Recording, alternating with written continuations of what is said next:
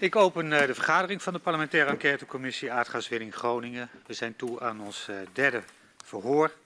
En dat zal zijn met de heer Van der Gaag. En ik verzoek de griffier om uh, hem naar binnen te begeleiden.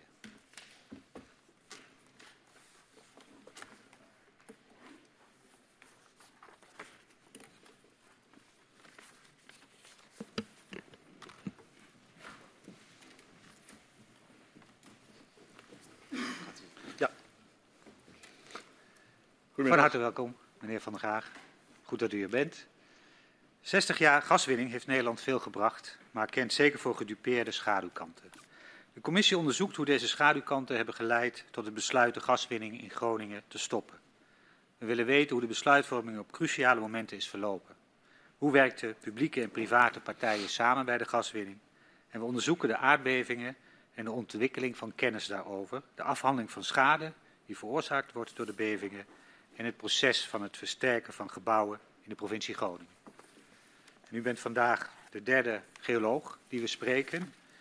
Um, en uh, u bent als zelfstandig geoloog en hydroloog uh, iemand die al vaker aandacht heeft gevraagd voor specifieke eigenschappen van de Groningse ondergrond. U wordt vandaag uh, gehoord als getuige en dit verhoor vindt plaats onder Ede. En u heeft gekozen de belofte af te leggen uh, dat u de gehele waarheid en niets dan de waarheid uh, zult zeggen. En ik verzoek u daarom om te gaan staan en mij na te zeggen, dat beloof ik. Dat beloof ik. Dank, dan mag u weer gaan zitten.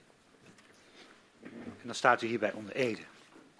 Het gesprek met u zal worden gevoerd door uh, Julia Kat en mijzelf. En het kan zijn dat uh, Peter Quint op het eind ook nog een enkele vraag heeft. Is dat helder? Oké. Okay. Dan gaan we beginnen en geef ik het woord aan mevrouw Kat. Dank u wel. Uh, meneer Van der Graag, u bent, uh, zoals mijn collega net al zei, als deskundige jarenlang betrokken bij het uh, Groningse gasdossier.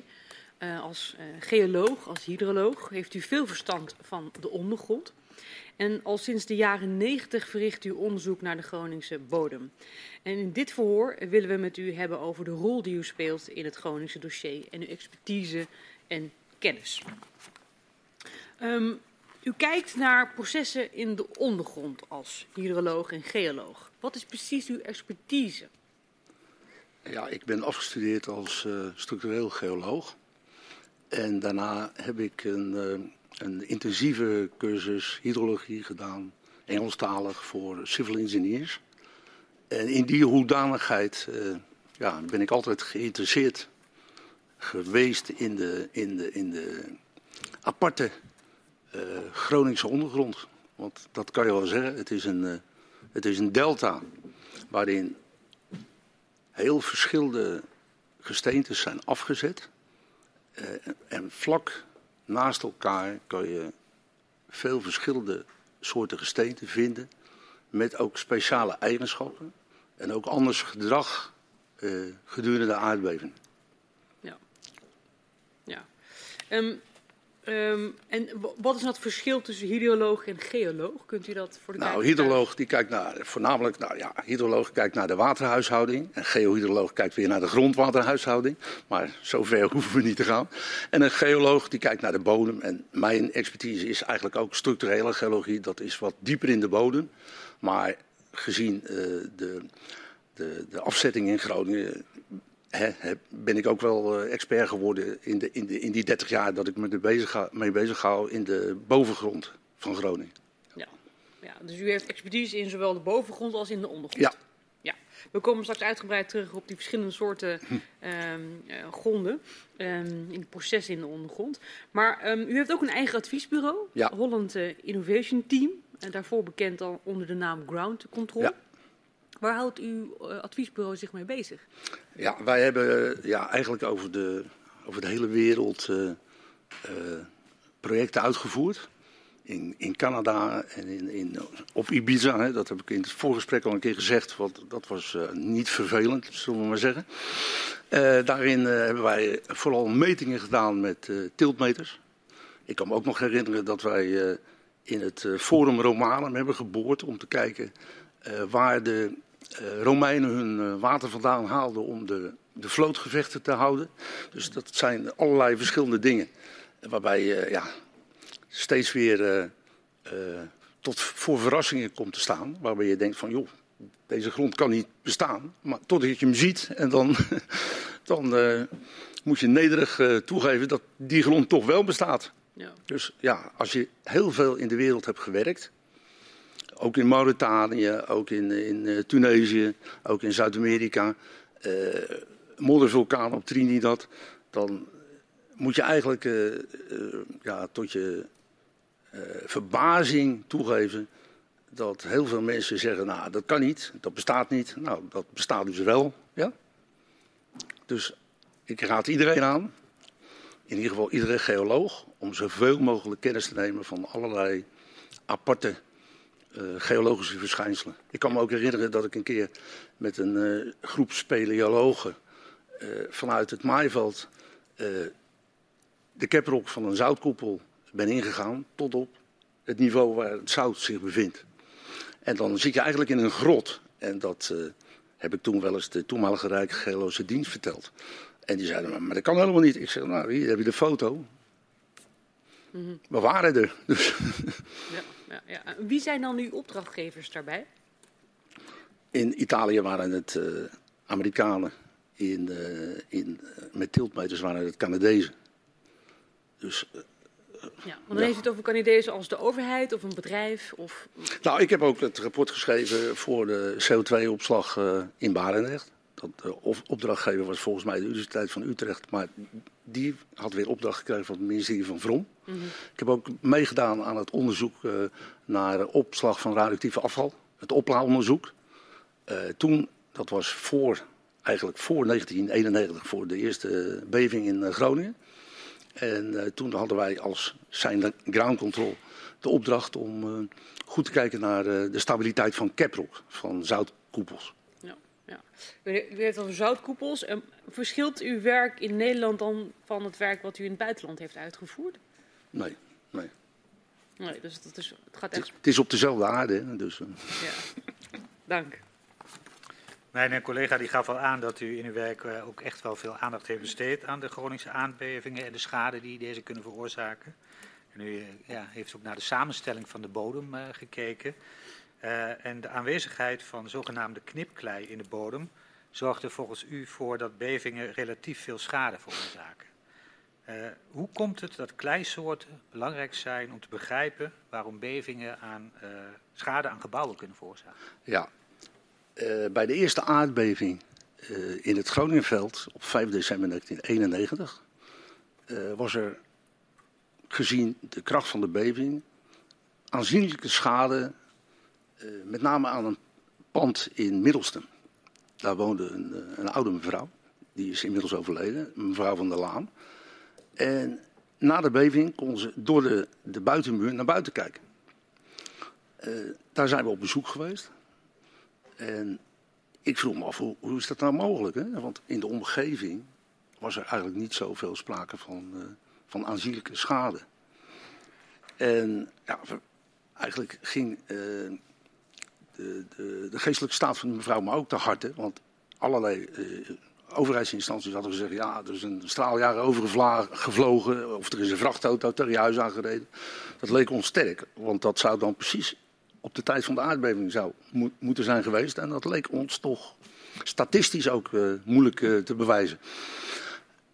Ik heb daar geboord en ik kwam tot de slotsom dat die klei eigenlijk, ja, die klei, die, die, die, die, die, het was niet een gewone klei. Toen ben ik gaan kijken naar wat daarover bekend was. En wat blijkt in die, ja, hele oude geschriften van Wageningen, maar ook oude geschriften van schoolmeesters van 18 zoveel staat joh, dat is een, dit is zo'n aparte klei. Uh, die zwelt op als die, uh, als die nat wordt, maar als die droog wordt, dan kan je je buurman zijn hersens mee inslaan, als je dat al zou willen. En uh, dat, dat geeft dus weer, en, en inmiddels weet ik dat de boeren, die die, die knipklei ook goed kennen, die zeggen, ja, wij toen ik klein jongetje was, in de zomer, zit, stalde ik mijn fiets erin, in die krimscheuren. Dus wij dachten, ja, dat is wel een hele aparte klei. En we hebben uiteindelijk ook proeven gedaan met Canadezen. En met de Amerikanen die hier zijn gekomen. En ik heb heel veel uh, contact gehad met de zwelklei-expert uh, van de British Geological Survey, Lee Jones. Mm -hmm. En we hebben allerlei uh, eigenschappen getest van die speciale klei. En die bleek eigenlijk alle eigenschappen te hebben van de zwelklei. En, wat bleek later ook nog, wij, er, wij, wij konden met tiltmeters meten.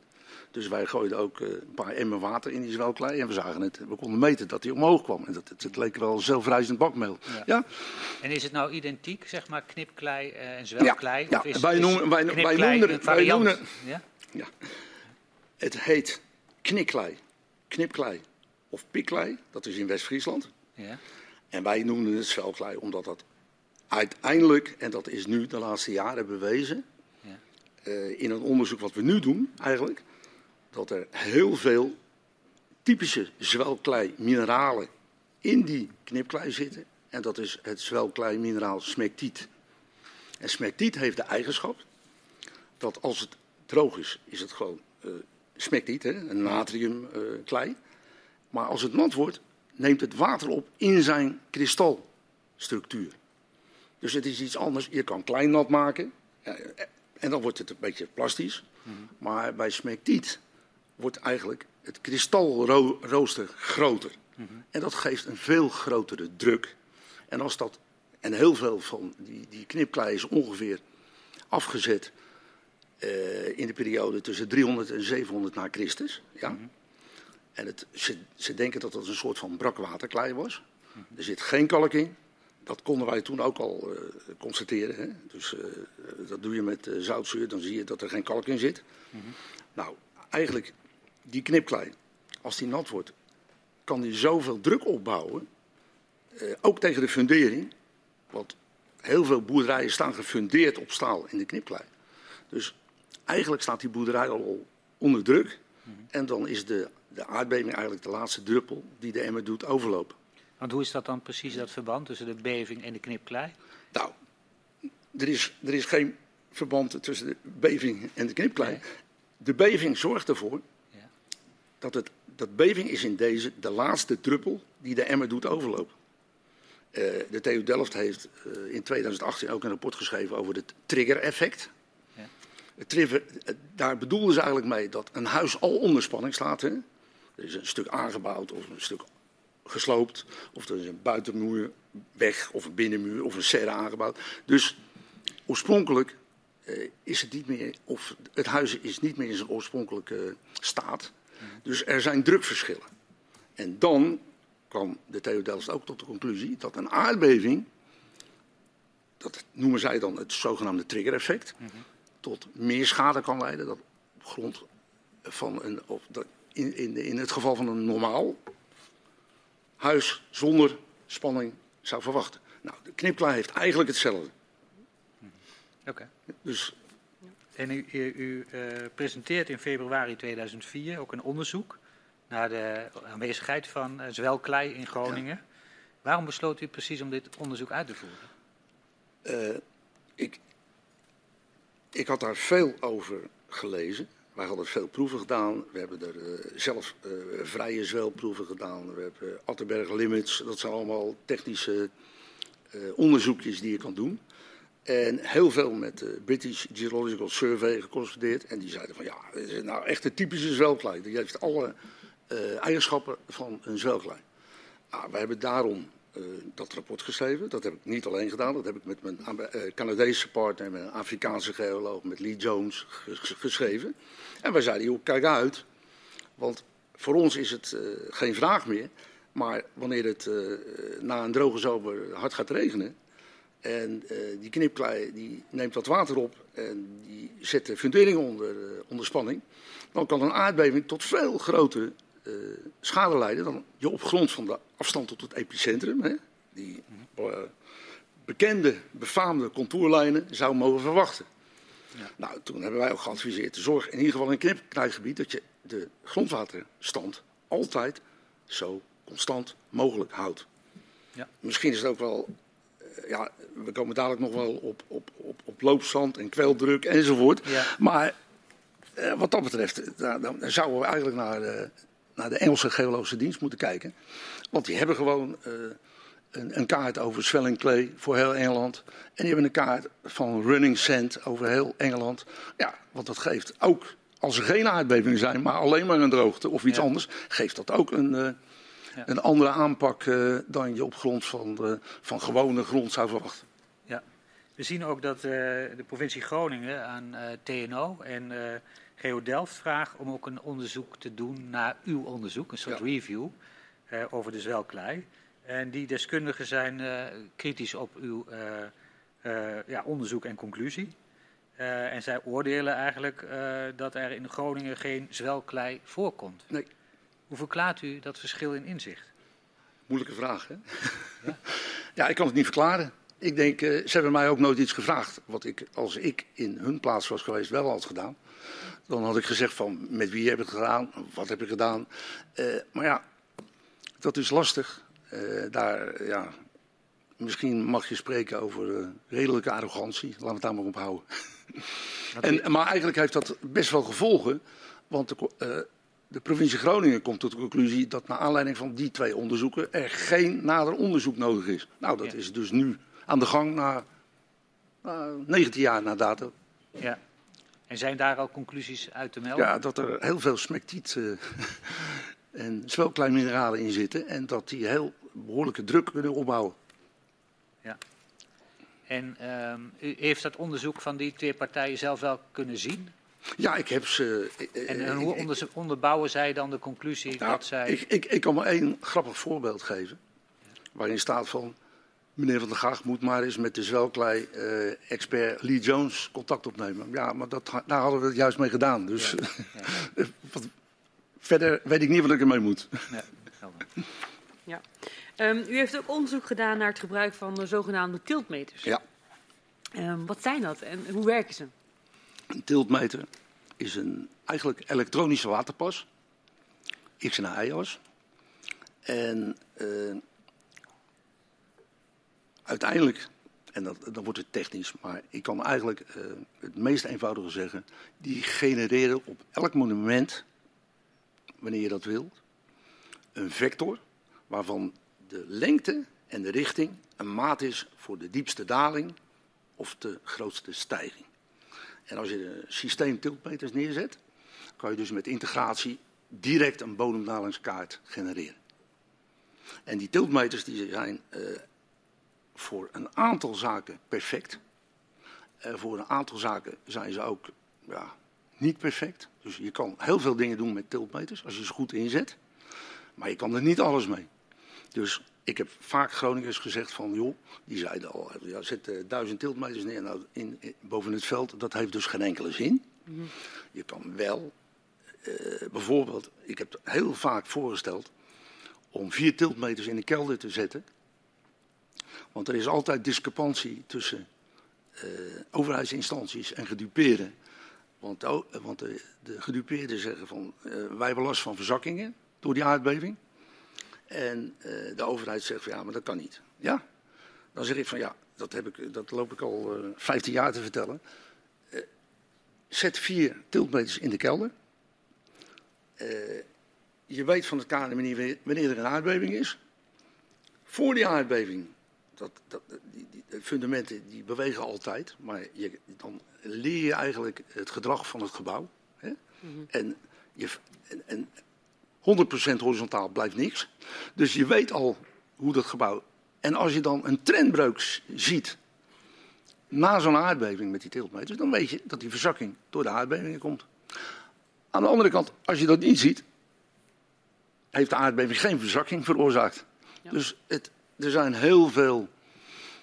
Uh, eigenlijk.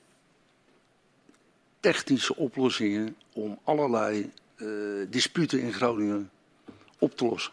Ik heb ook uh, gelijk na huizing heb ik gezegd van joh, het is bij ons, bij heel veel mensen in Nederland niet en ook bij overheidsinstanties niet, bij ons bekend dat huizen die dicht bij kanalen of sloten staan,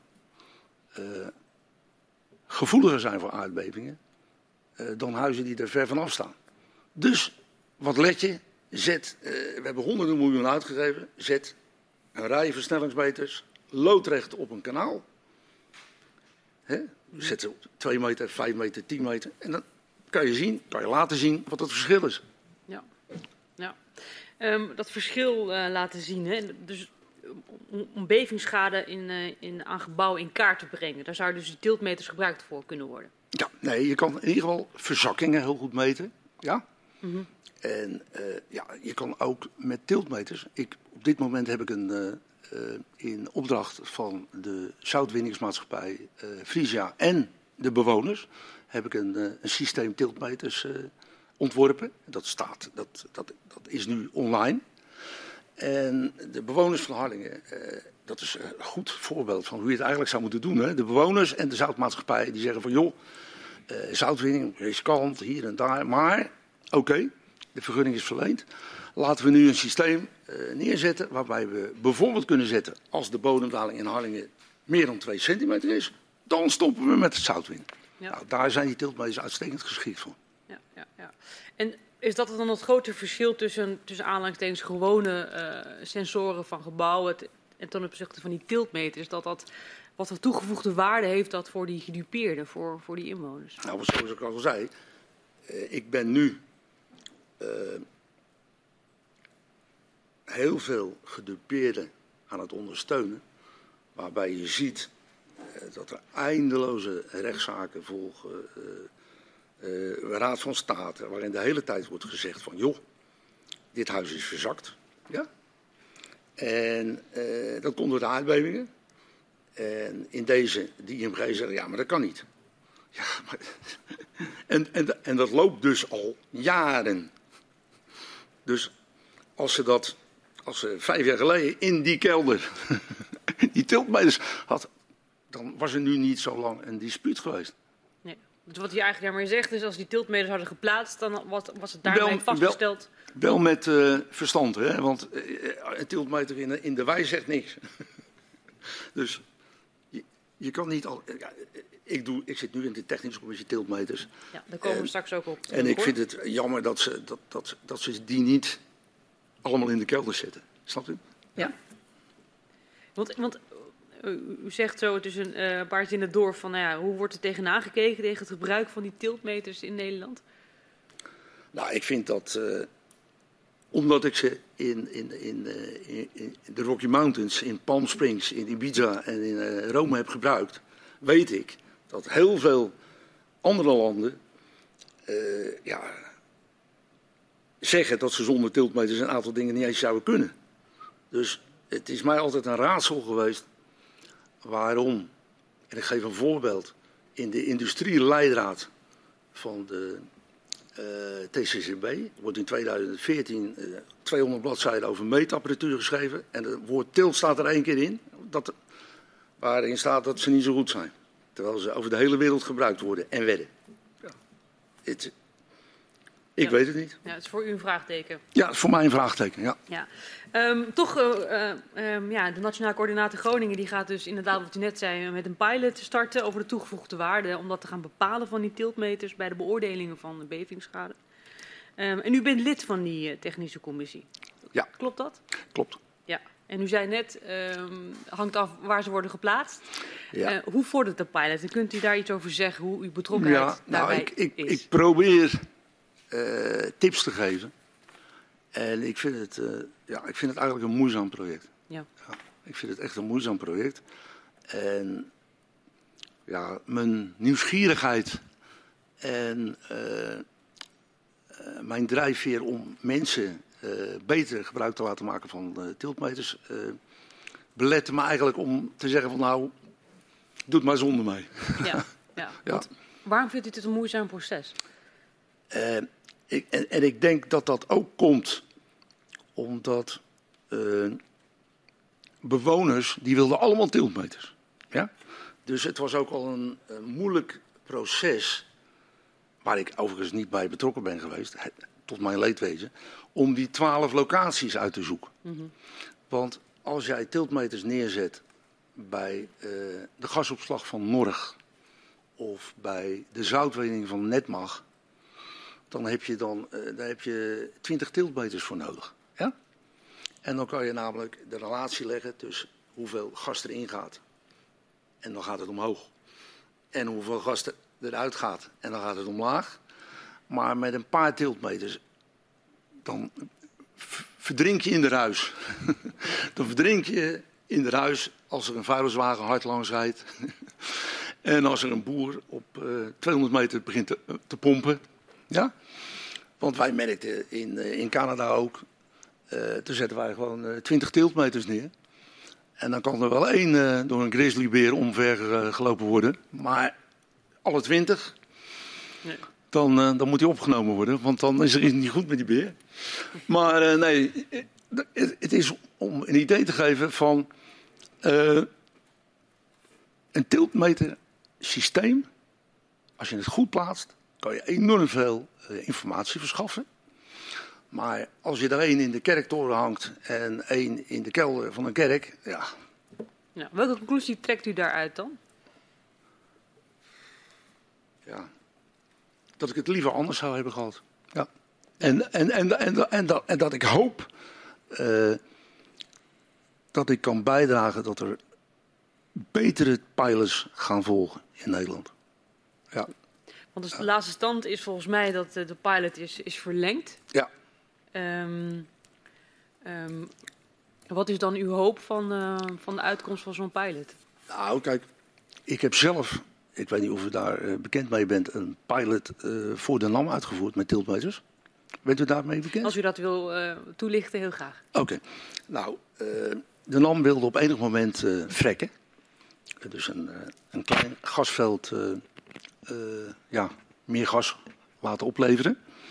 En toen zijn we met de bewoners van Schouwenzuil, eh, Rode Haan, eh, ik denk Warfhuizen, zijn wij om de tafel gaan zitten. En hebben gezegd van joh, laten we nou eens een keer een tijdje eh, tiltmeters installeren.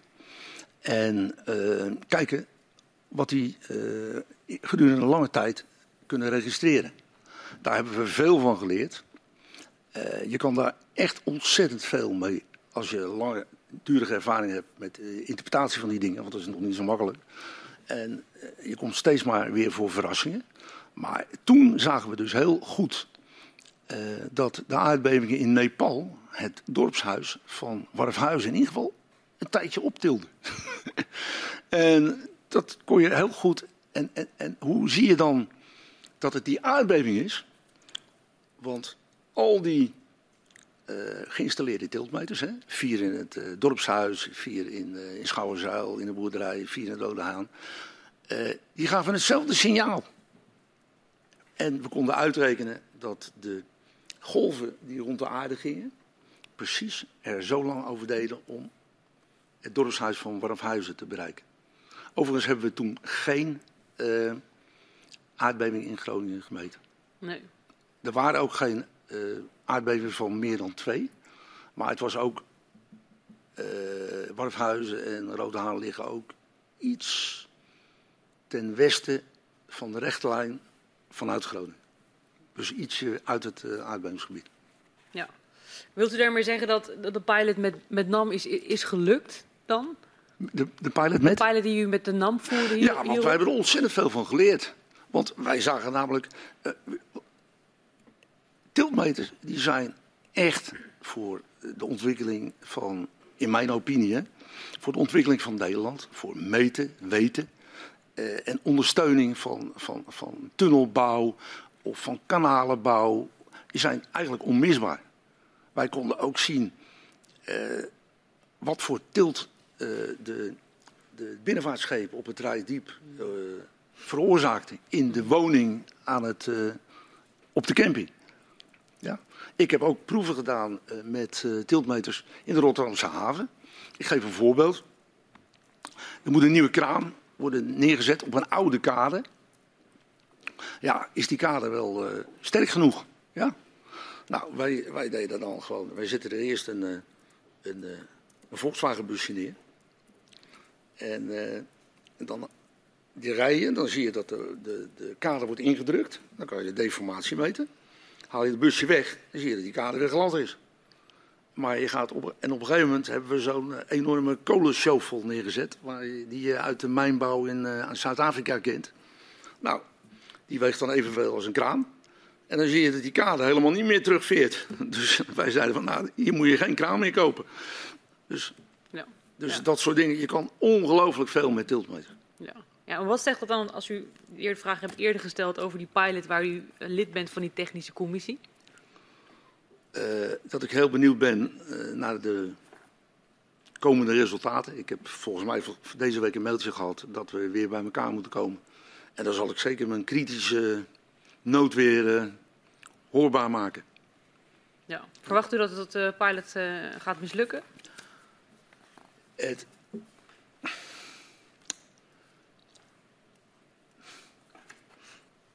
Ik weet het niet. Ik hoop dat die lukt. En ik hoop dat in ieder geval dat ik mijn best zal doen om de mensen te overtuigen dat er een volgende pilot eh, anders zal moeten worden opgezet.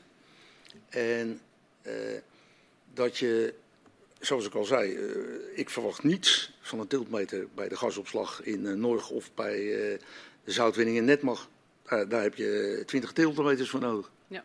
Dus eh, daar- dat is misschien ook een eh, resultaat van die, eh, van die pilot. Van, ja, misschien ben ik dan zo eigenwijs om te zeggen, zie je nou wel. Maar Ja. dat is weer wat anders. Want het zijn nu maar een beperkt aantal eh, hè, eh, tiltmeters die zijn Ja. geplaatst. En op locaties waarvan u denkt, die zijn niet zo heel relevant. Nee, nee ik zou ze het- altijd in de wat, kelder wat had u zetten. gedaan? Als u aan het stuur had gezeten, Ja. hoe had u dat project ingericht? Ik had, ik had ze echt, eh, ik, ik weet zeker, eh, drie kelders van eh, drie boerderijen. eh, die allemaal schade hebben. En die allemaal eh, eindeloos aan het debatteren zijn of het nou wel een verzakking is of geen verzakking. Of het nou een verzakking is door een of andere andere reden of een verzakking door aardbevingen.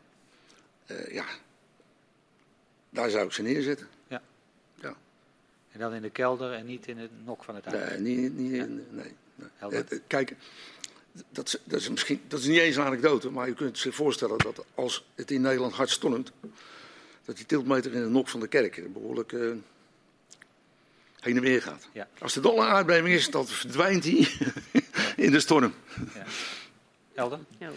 Ik eh, ga even met u terug in de tijd. Ja. Eh, want we hebben het even gehad over eh, de zwelklei en de tiltmeters. Maar eh, u bent in het verleden ook actief betrokken geweest bij het onafhankelijk geologenplatform. Eh, dat was in eh, begin jaren negentig. Eh, kunt u even on- ons uitleggen waarom u daarin actief bent geworden? Ja, ik denk dat we.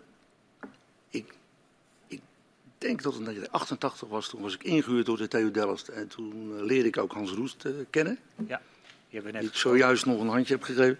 Ja. En ik was zelf, dat, dat is misschien ook een, een eh, geluk bij een ongeluk, mag ik wel zeggen. Ik was zelf eh, bezig dus met, eh, met eh, zoutwinning en het schrijven van een boekje voor de RMNO, Raad van Milieu en Natuuronderzoek. En tegelijkertijd had ik uitzicht op een baan als hoofddocent in Groningen. Dus ik kwam vaak in Groningen in contact met Frits van den Berg. Die heeft u al in het voorgesprek genoemd of eh, gehoord. En toen, en ik kende Olaf Schuiling al van heel lang. En op een gegeven moment kwamen we wel eens bij elkaar. En eh, dat was in de, bij de Chinezen in Amersfoort. En op een gegeven moment zei hij, ja, maar dit kan toch niet? Dit kan toch niet? Dit, dit, dit, dit. We horen zoveel onzin. En, en, en, en, en er, worden, er worden zoveel dingen ontkend. En eigenlijk was ook de druppel die in dit geval de MR deed overlopen. Het bezoek van mij aan, aan die mevrouw in die Middelstum. Want ja, die scheuren die waren zo bizar. Ze kon echt door de buitenmuur naar buiten kijken. Ja, en, en, en dus ik vond het dus een soort van onrechtvaardigheid. Waarin de mensen van het KNMI en de staatstoezicht toen nog zeiden van ja, eh, er is waarschijnlijk een vliegtuig overgevlogen. En eh, dat is door de geluidsbarrière gegaan en daarom is die buitenmuur gescheurd. Ja, dat kon er bij mij niet in. En, dat, en wij zeiden, ja, we moeten iets doen. En we gaan proberen om eh, mensen uit te leggen waar ze op moeten letten. eh, wat voor ondergrond er is. En ja, u heeft ongetwijfeld eh, het een en ander van, van zowel Frits als Hans gehoord. En helaas is Olaf Schuiling overleden. Maar die was ook heel act- actief om mensen. Wij hebben heel veel presentaties gehouden. Ja. We hebben heel veel mensen bekeken, hun huizen bekeken, Ja. Die echt schade hadden. Waarin wij dachten, joh, dit komt door aardbevingen. Ja. En toen was nog de, de alge, algehele consensus bij de overheid maar ja, en bij de NAM. Ja. Ja. maar dat kan niet. Ja, aardbeving is niet hard genoeg. Ja? U deed dit ook eh, dit, eh, om, om gedupeerden te helpen. Ja. Maar had u dan ook zelf rechtstreeks contact met bijvoorbeeld de NAM? En hoe ging dat? Eh, ik had in die tijd volgens mij niet direct contact met de NAM. Volgens mij heb ik nog wel eens een keer een presentatie gehouden in die tijd voor de NAM met mijn Amerikaanse partners eh, over tiltmeters. Waarbij de ene helft zei, die moeten we hebben. en waarbij de andere helft zei, ja, ja, ja, ja, maar daar zie je wel veel mee. En toen is dat een beetje, dat is eigenlijk niet doorgegaan. Nee. En ik heb ook nog wel eens een rapportje geschreven in opdracht van Novem over CO2-opslag. Ja. Waarin ik wel een aantal brieven heb gehad van NAM dat het in principe een, eh, een goed rapport was. Ja. eh, met betrekking tot de CO2-opslag. En had u in die periode wel contact eh, met kennisinstellingen, TNO, KNMI of het Nauwelijks. SODM over Nou. wat er in de ondergrond gebeurde? Nauwelijks. Ik denk Ja. dat ze mij nogal eigenwijs vonden. En nogal tegendraads. Ja. En het heel makkelijk is eigenlijk voor een gere- u heeft dat gelezen, gerenommeerde instituten vinden dat er eens wel klei is. Ja. Eh, dat gere- het is makkelijk voor gerenommeerde instituten om eh één pitters, of ik had toen een paar mensen in dienst, om die eh, uit te schakelen op de markt, laat het maar zo zeggen. Ja, ja, ja. Ehm, en hoe verklaart u dat ze ja, u zo zagen? Waar, hoe kwam dat? Nou, eh, ik heb, en ik weet niet of u daar eh inzage in hebt gekregen, in, in dat onderzoek van eh, Opla, zoutopberging. Heeft u dat of niet? Ik weet niet of u dat heeft, maar daar heb ik dus ook aan meegewerkt. Ja, En daarvan heb een van de rapporten die wij hebben geschreven is, gaat over caprock, die gaat over anhydriet eh gesteente. Toen zeiden wij, kijk nou uit dat je daarin gaat boren, want als dat nat wordt, eh, dan kan het zelfs tot stevige aardbevingen leiden. En zelfs, meent toen het caprock explosies, maar dat ging een beetje ver. Maar het kan echt tot behoorlijke aardbevingen eh, aanleiding geven. En, en, en toen kreeg ik te horen van, eh, van TNO en van EZ. Ja, zulke onzin hebben we nog nooit gehoord. En wat let ons gelijk? Dat hetzelfde fenomeen zich voordeed in, in Staufen in Duitsland. En daar ging het dorp 30 centimeter omhoog. Omdat ze hadden geboord in de anhydriet-formatie.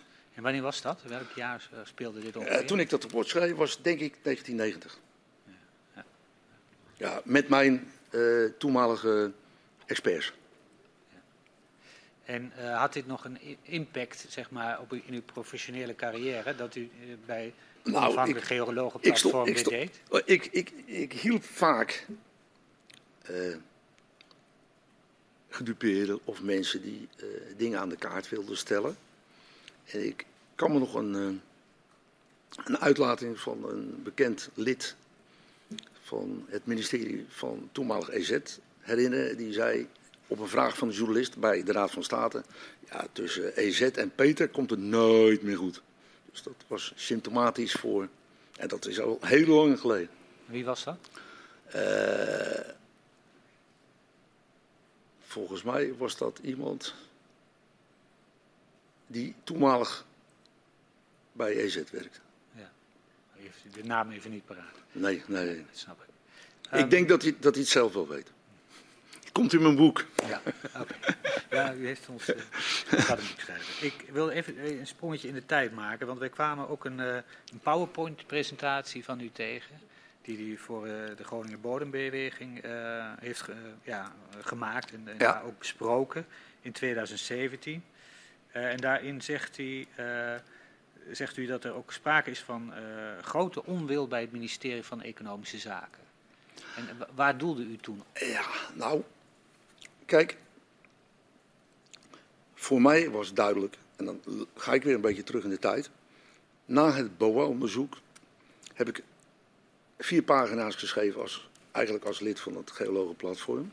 Niet in overleg met de anderen, maar op persoonlijke titel. Waarin ik zei van één, eh, deze statistiek eh, die is, eh, die, die, die, die, begrijp ik niet eens en die kan niet waar zijn.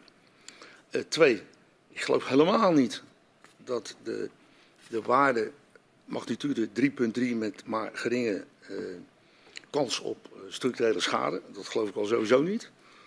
Ik zou onmiddellijk, en dat was 1994, de relatie gaan onderzoeken tussen de snelheid van winning en de aardbevingen. En ik zou, als ik de regering was, 1% van de gasrevenue beschikbaar stellen voor fundamenteel onderzoek. Nou, dat is me echt niet in dank afgenomen. Ik heb dat aan mensen bij EZ gegeven, ik heb dat aan het KNMI gegeven, ik heb dat aan een Rijksgeologische dienst gegeven. En ik weet niet of u dat stuk heeft, maar als u dat wil hebben, heb, heb ik het nog wel ergens. Daar komen we straks nog even ja. op. Uh, en, dus, en, ja, en toen heb ik ook in, in dat stuk voor de voor, Verbond van Verzekeraars uh, geschreven. Daar kom ook zo nog even op terug. En daarna nog een interview met Trouw, waarin ik zei, joh, maar luisteren. Wat jullie onmiddellijk moeten doen in 1996 is de relatie tussen de snelheid van winning en de aardbeving. Ja? ja? ja. Wat, okay. en, en, en, en dat, ja, dat, als je dan een, een eenpitter bent, of een kleine maatschappij met vijf mensen personeel, ja, ja dan ben je of een wijsneus, of een, uh, waar bemoei je mee, daar gaan wij over. Ja, dat is, uh, is best ja. lastig om je dan uh, ja. ik snap te verdedigen. Ik ga u even, want u zei een aantal dingen en u maakt ook even een opmerking over de 3.3 magnitude. Volgens mij refereert u daar aan het BOA-rapport. Ja. En dan ga ik even het woord geven aan mijn collega. Ja, excuus. Uh, nee, geen probleem. Heeft geen probleem. Dus het, inderdaad, het BOA-rapport, jaar 1993, um, Commissie Onderzoek Aardbevingen. Um, en dat rapport wordt erkend dat de gaswinning in Groningen tot bevingen kan leiden. Um, en daarnaast bevat het rapport ook de conclusie dat er slechts een kleine kans is op lichte schade aan gebouwen door bevingen. Ja. ja. Wat vond u toen? Ja, ik had de schade van mevrouw Van der Laan gezien met 2,2 of 2,3. En die kon door de muur kijken. Dus ik dacht van, dat klopt in ieder geval niet. En ik heb dat rapport doorgelezen en toen dacht ik van ja, die statistiek die is van een hele kleine cluster.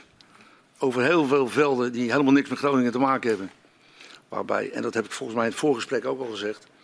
Uh, er is een relatie tussen de magnitude van de beving en de grootte van de breuk. En de lengte van de breuk is natuurlijk gerelateerd aan de dikte van het veld. Nou, dat was in uh, Eleveld en in, uh, in Alkmaar en in Roswinkel is dat veel dunner. Dus ik dacht bij mezelf, hoe komen ze erbij? Ja. En toen u dat dacht... Het, is mij, het was mij een raadsel, laat maar zo ja. zeggen. Ja, het was voor u een raadsel. Bent u toen ook met andere collega's in gesprek geraakt van... Hey, Um, wat gebeurt hier? Um... Nou, ik heb toen dat artikel geschreven op persoonlijke titel. Dat heb ik wel aan mijn platformleden laten lezen. Wat in Trouw is gepubliceerd? Sorry? Dat in Trouw is gepubliceerd? Nee, nee, nee. Dat, dat is eigenlijk een vier pagina's uh, uh, pamflet wat ik toen heb geschreven en gedistribueerd heb. Oké. Okay.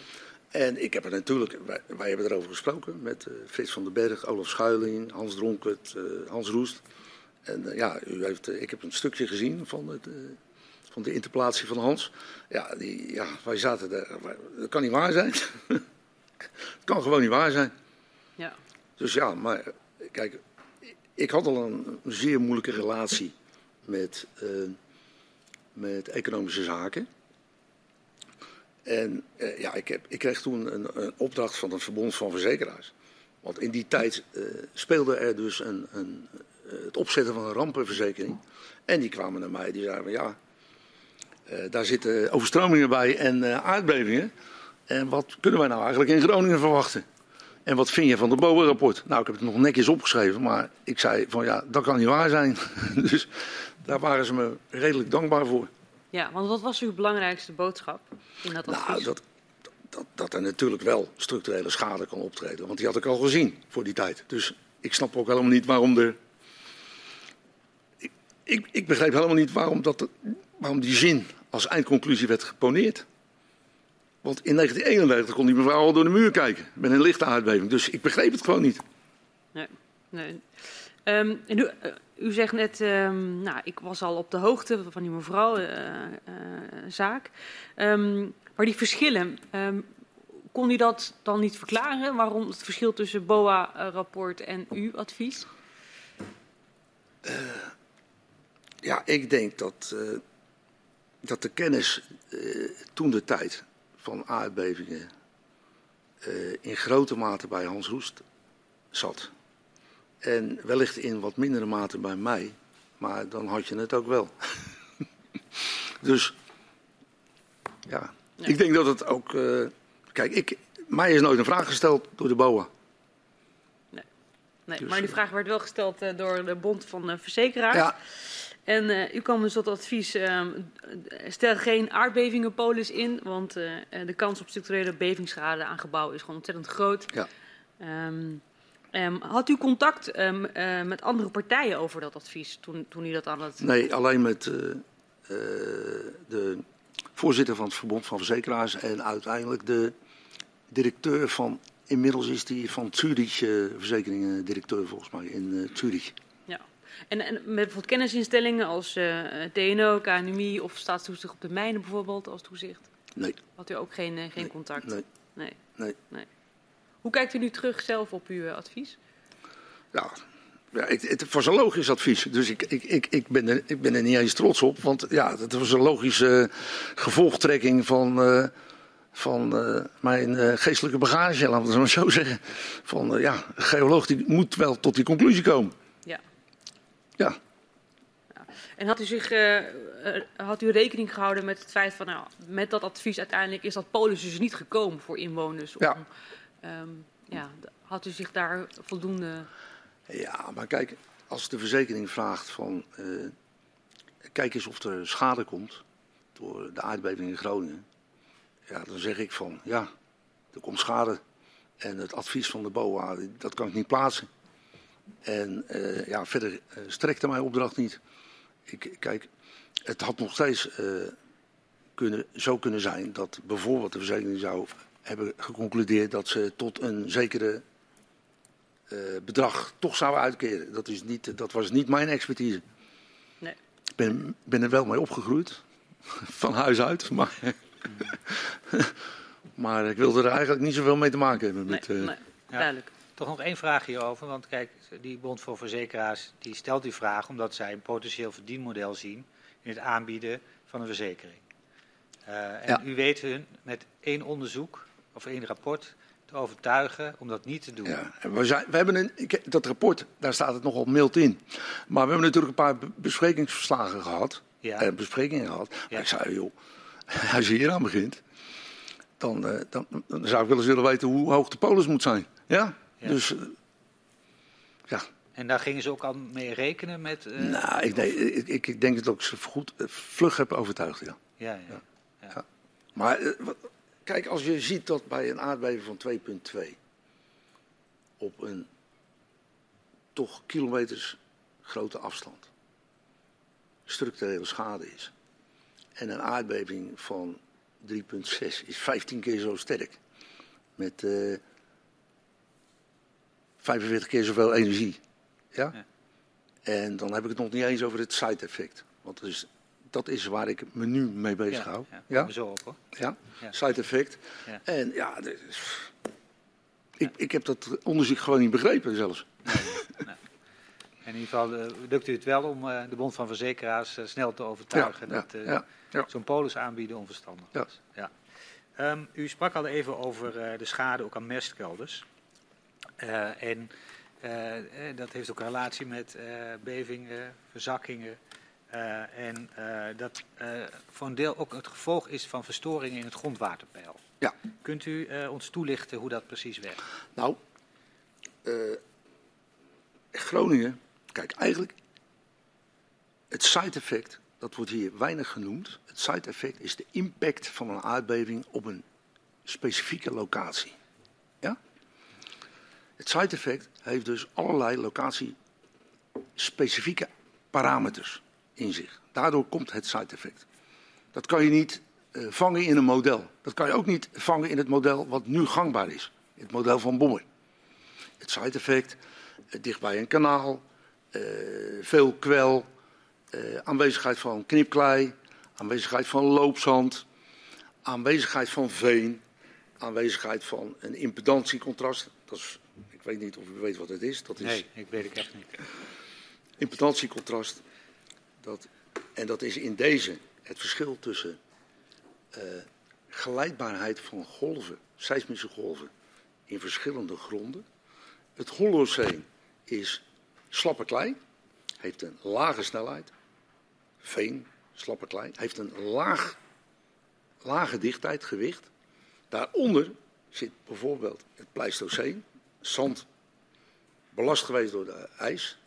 Heeft een veel hogere seismische snelheid en een veel hoger, hogere dichtheid.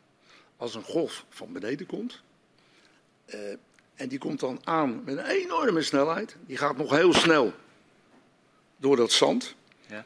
En dan, je moet het maar zo voorstellen, dan denkt die golf, even gek, ik moet heel erg uit, ik moet heel erg afremmen. En dan gaat hij enorme uitwijkingen geven. Want hij moet dezelfde energie naar boven brengen. Dat heet nou amplificatie. En dat gebeurt tijdens het side effect. Oké, ja. ja? En, en, en, dus er zijn plaatsen in Groningen. Ja. En dat is ook. Uh, en je moet, want u stelde de vraag over dat grondwater. Ja. Want ik uh, wil graag ja. college geven, maar moet ik ook mee stoppen. Daar ging een vraag over. Uh, maar Groningen is eigenlijk, en dat, dat bespreek ik wel eens met internationale geologen. Is, is helemaal verzadigd de eerste paar honderd meter met water. Er zit potklei en die zit nog geen water, maar er zit heel veel uh, uh, diepe geulen van zand. En er zit ook een hele dikke zandlaag. En iemand, daar hoef je geen vernuft voor te hebben. Daar zit dus een enorme hoeveelheid water in. Maar dat schudt wel mee.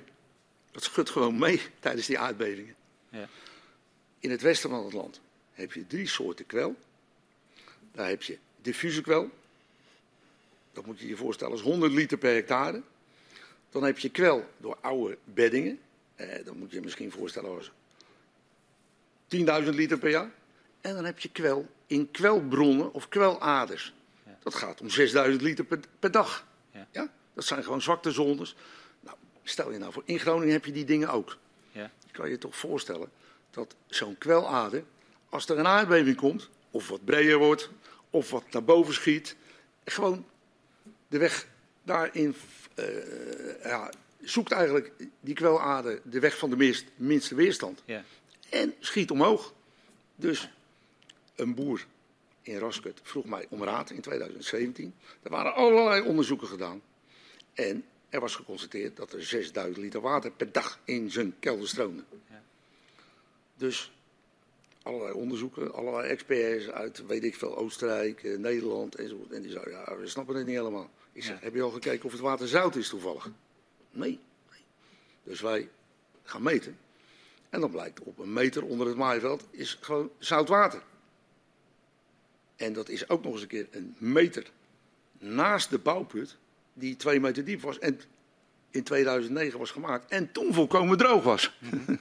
dus als je nou omgekeerde bewijslast hanteert, dan is nu de tegenpartij volgens mij al een jaar aan het proberen om te bewijzen dat het ergens anders nog komt. Ja, ja. Maar dat, ik geef ze... Ja. En het water is zout, omdat het vanuit een diepere laag uh, ja, Dat water komt dus... Komt. kijk, wat blijkt...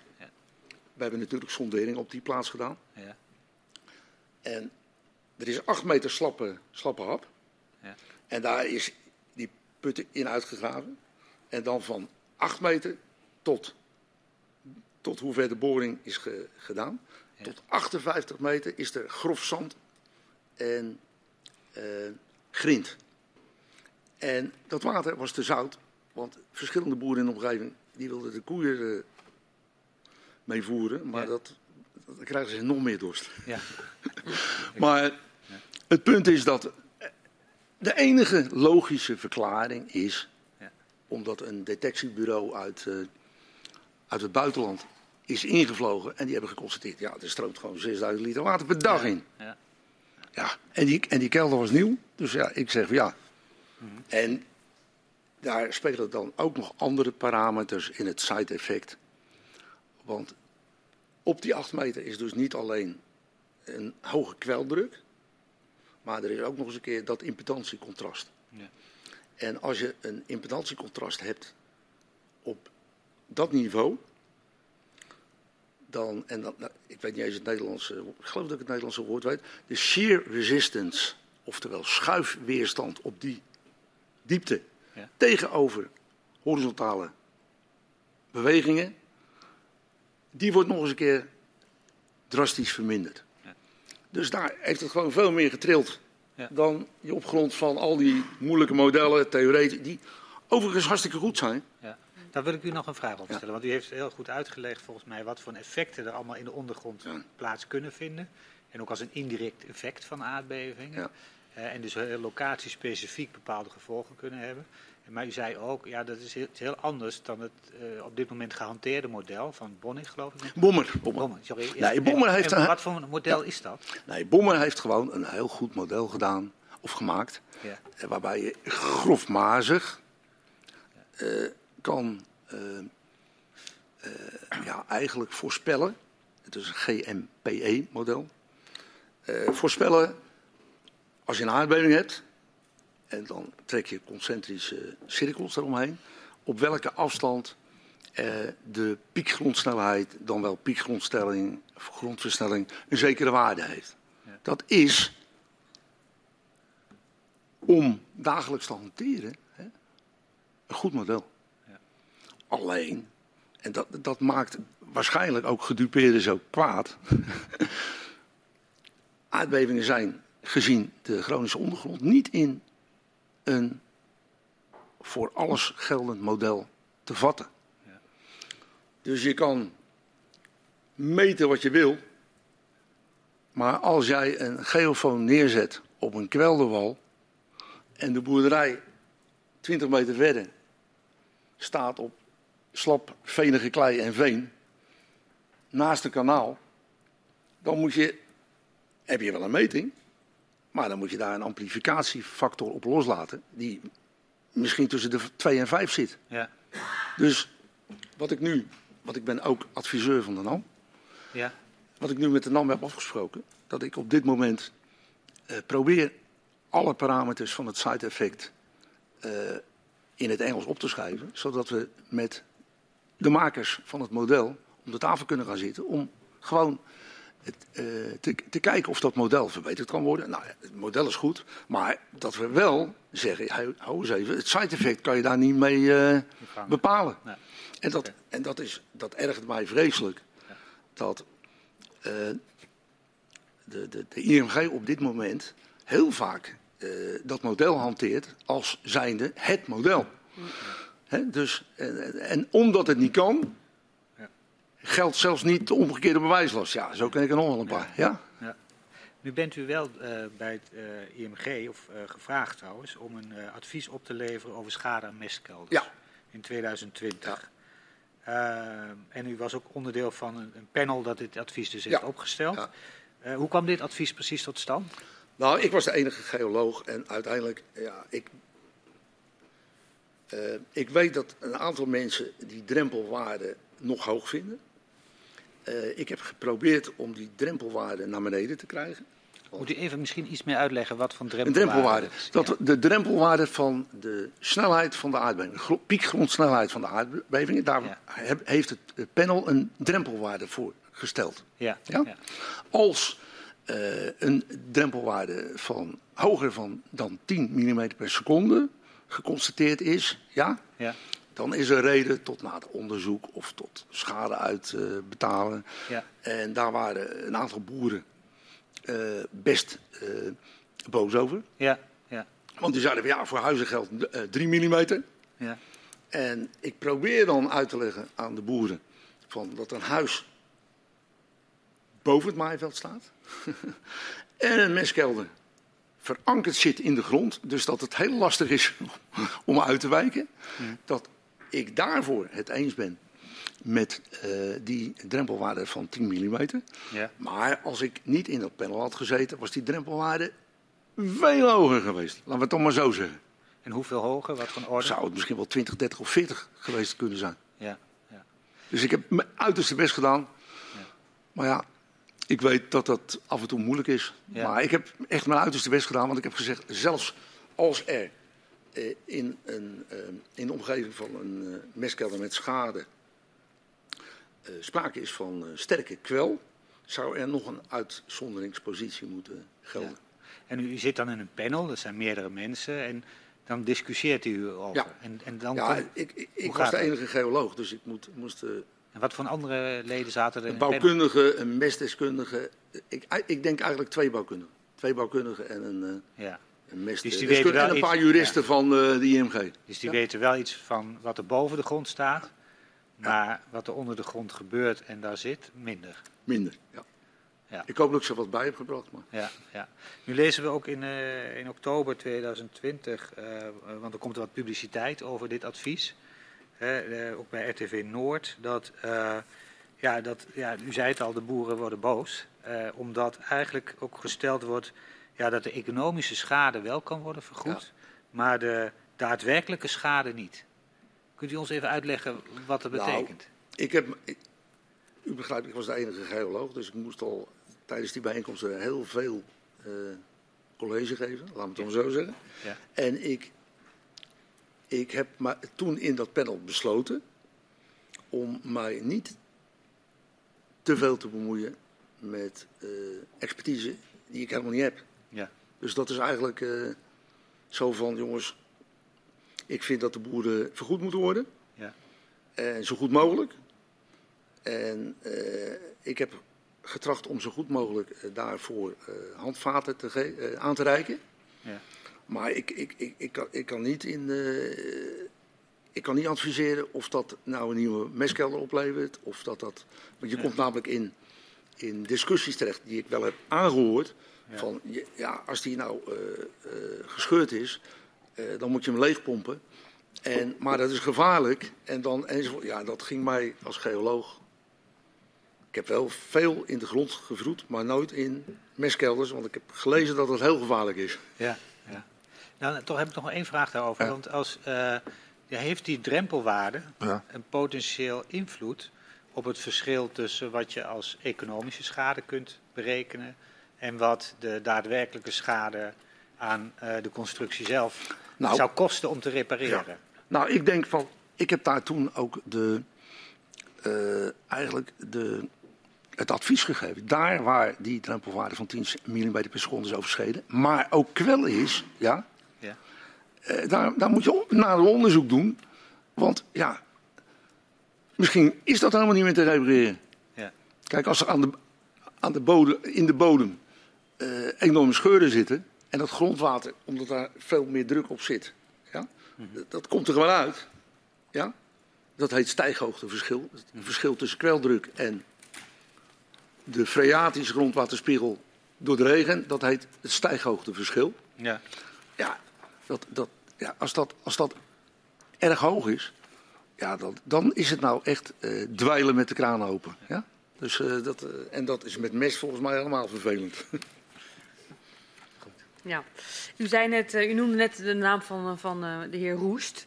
Ehm, ehm, nou ja, we hebben natuurlijk al een en ander gesproken met u over de werking van zowel klei, maar ook het nut van tiltmeters.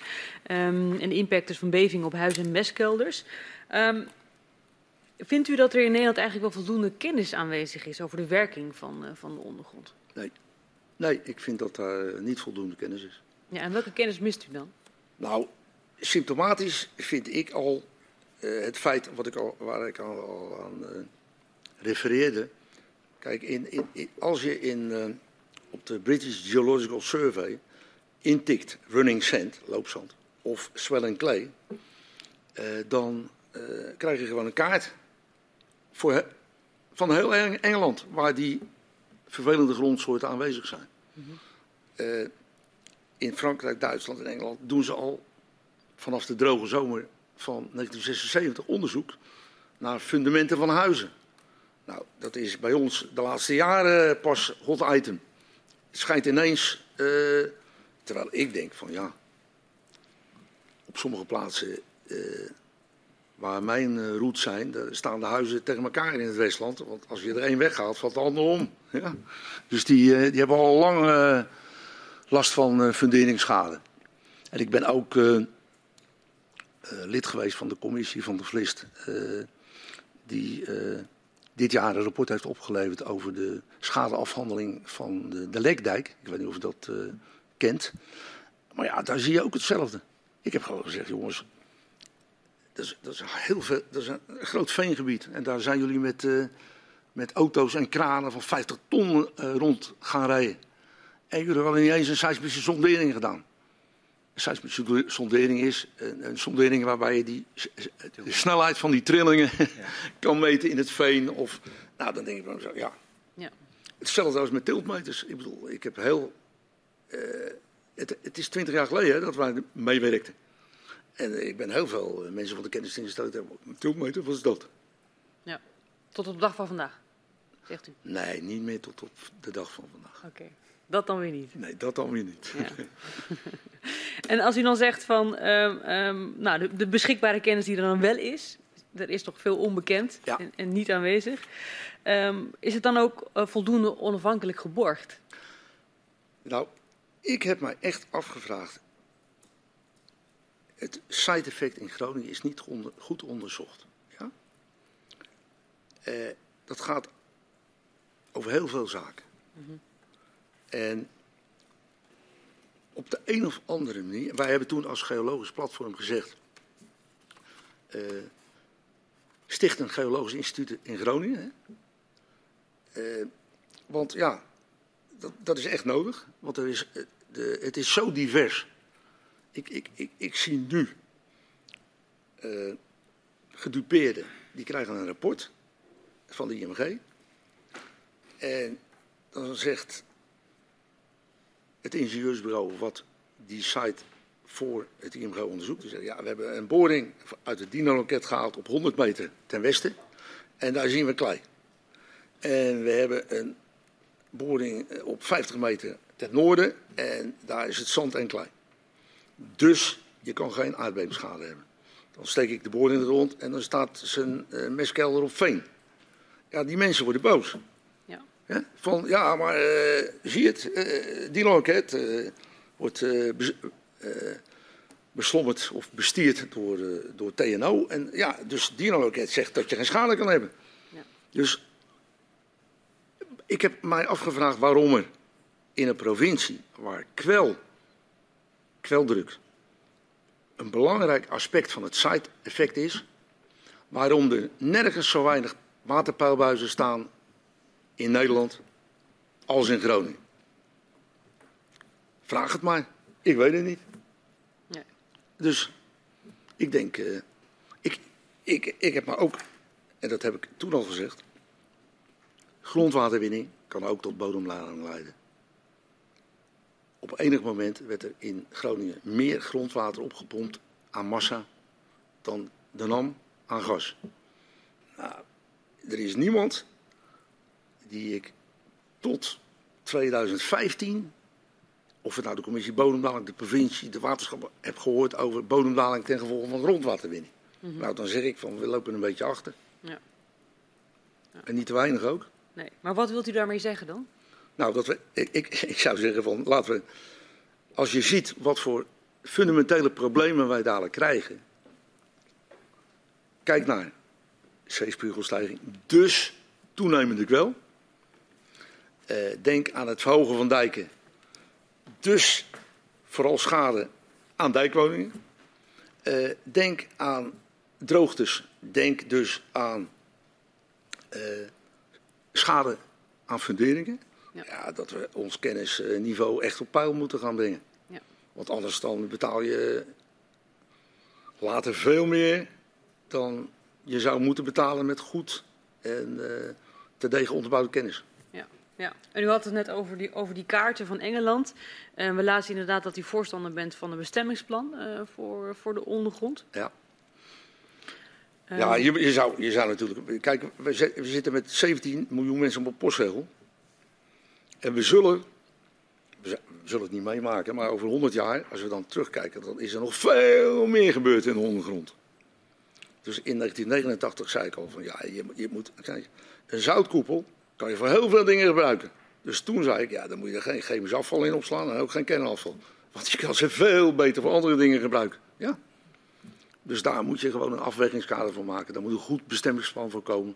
En, maar dat hebben we eigenlijk nog niet. Nee.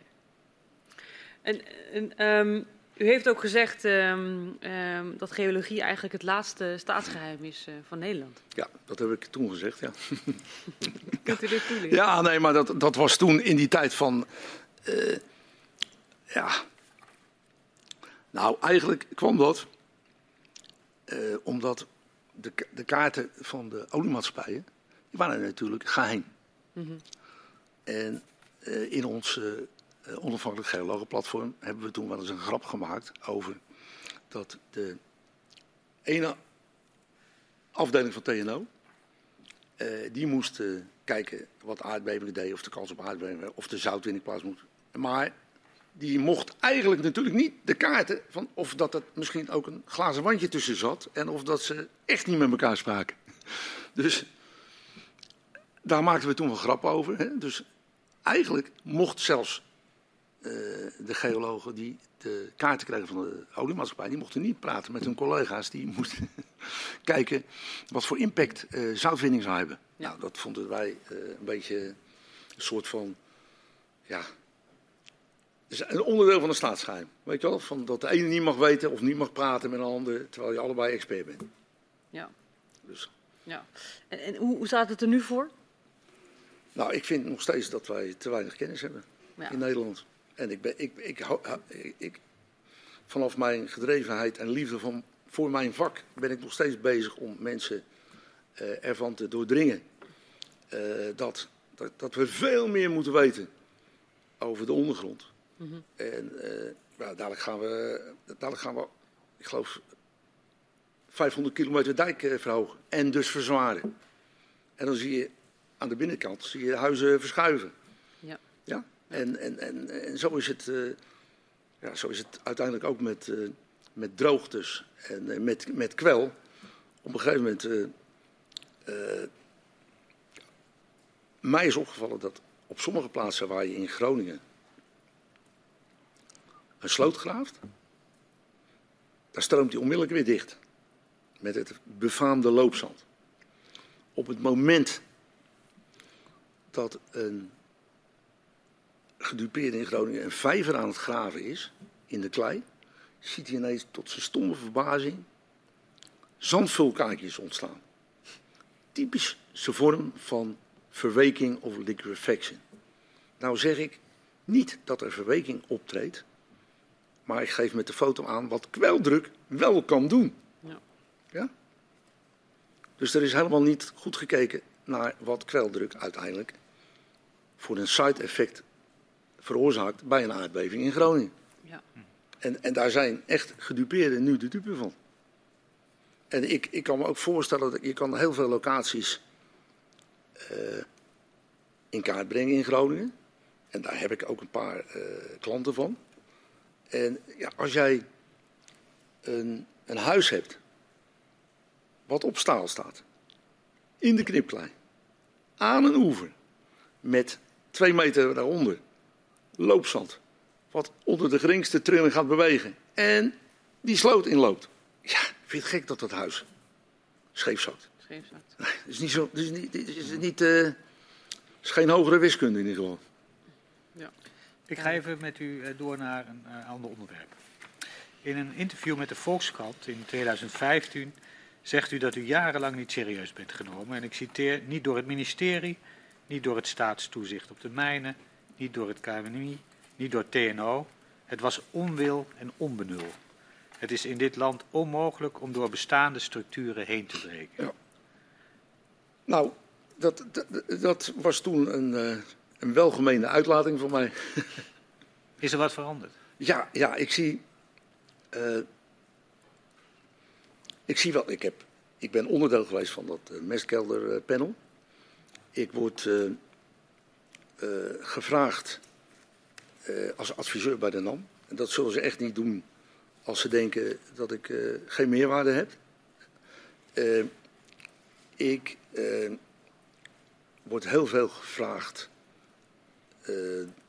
Eigenlijk doen we het nu het zwelklei-onderzoek samen met Deltaris. Dus dat, dat zegt veel. Dat een vroegere werknemer zei met zoveel woorden onzin. En nu uh, weer in het veld staan en ik zelfs tot de conclusie kom dat daar waar ik loopstand aanboor, uh, de mensen van Deltaris zeggen, ja, daar moeten we toch ook nog eens een keer uh, echt onderzoek naar gaan doen. Want dat gelooft meneer Bommer niet eens als hij het aanboort. dus, ja. ja. dus er is uh, inderdaad wel het een en ander veranderd. Daar moet ik wel bij zeggen. Dat ik heb niet het idee, ik heb het idee dat dat uh, veranderd is bij, bij een instituut als uh, Deltaris, bij de NAM. Ik vraag me af of dat veranderd is bij het ministerie van EZK. En ik vraag me af of dat dat veranderd is bij de IMG. Bij de NCG is het wel veranderd, anders hadden ze mij niet gevraagd in het uh, tiltmeter, uh, uh, hoe heet dat, in de technische commissie. Ja. Maar bij de IMG hoor ik nog steeds van, ja, wie ben jij dan? En TNO zegt dat, dus dan kan jij dat nooit bij het rechte eind hebben. Ja. Dus dat hoor ik nog steeds ja. in rechtszaken bij de Raad van State. Ja. En we, we kwamen ook in een ander artikel tegen van Follow the Money dat u zeg maar, in de periode nadat u stevige waarschuwingen geeft, en u, u, bent, u bent eigenzinnig, zei u zelf, ja. dat uh, ja, u daardoor nauwelijks nog aan de bak kwam in Nederland. Is nou, dat, dat, was in die, dat, dat, dan, dan spreek ik over dat, uh, dat rapport Ja, oké. Okay. Ja, toen ja. heb ik uh, twee winters op Ibiza gewerkt. Ja. Tot mijn grote spijt. Ja. nee, maar daar konden wij met tiltmeters en dat is een van de, uh, ja, de prestaties waar ik heel erg trots op ben. Er was een heel duur appartementencomplex. Uh, bewoond door Nederlanders, Australiërs, Italianen, Spanjaarden. Nou, dan moet je echt uh, met een enorm zwembad.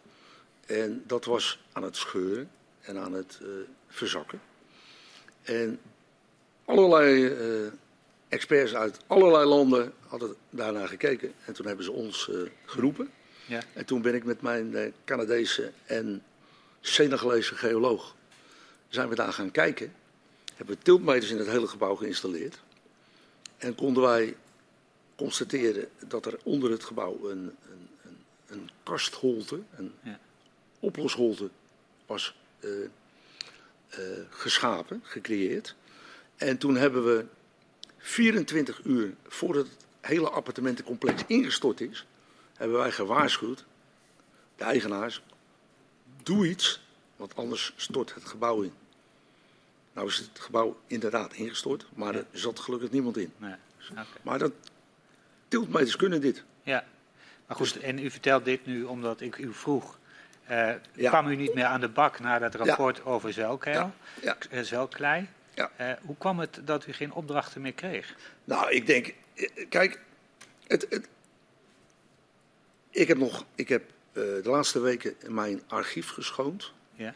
En ik beloof u nog een aantal andere stukken die u gegarandeerd niet heeft. Het heeft mij ook vaak heel veel moeite gekost om die op te sporen.